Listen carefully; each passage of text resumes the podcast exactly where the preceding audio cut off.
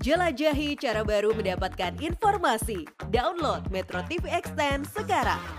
Bakal calon presiden dari Koalisi Perubahan untuk Persatuan Anies Baswedan menerima rekomendasi lima nama bakal calon wakil presiden dari Kiai Nahdlatul Ulama atau NU.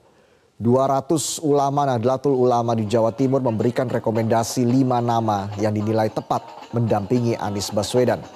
Kelima nama tersebut adalah Yeni Wahid, Muhaimin Iskandar, Kofifa Indar Parawansa, Agus Harimurti Yudhoyono, dan Mahfud MD.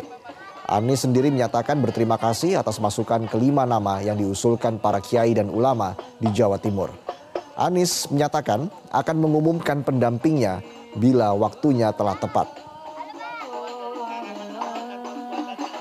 Mas Enis itu sosok yang islami saya sampaikan amanah punya visi ke depan itu Mas Anies. Dan beliau seorang intelektual muslim salah satu apa? Intelektual muslim Indonesia yang kita miliki lah itu Mas.